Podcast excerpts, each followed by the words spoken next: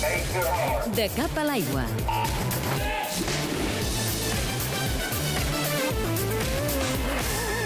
La natació sincronitzada és una de les disciplines del món de l'aigua que més medalles ha donat a nedadores catalanes. De fet, a l'equip espanyol sempre hi ha hagut majoria de representants catalanes i ara en aquesta etapa posta a terrers la dinàmica és la mateixa. El lideratge de l'equip segueix pivotant en Andrea Fuentes i Ona Carbonell, que al Mundial de Barcelona d'aquest estiu assumiran cadascuna un dels dos solos que es neden en un campionat del món. Ho avançava la seleccionadora espanyola Esther Jaumà al Tot Gira de Catalunya Ràdio. La veritat és que sí, que anem a intentar a veure si la Ona, que també doncs, eh, és una nedadora que és excel·lent, se li ha de començar a donar doncs, una miqueta la importància que té i aquest seria doncs, un pas previ. L'Andrea em deia l'altre dia que estava molt encantada perquè diu és que tinc un altre paper ara, perquè a més de, de nedar tinc el paper de, de, de fer que l'Ona mm, sigui una solista excel·lent com pot ser, no?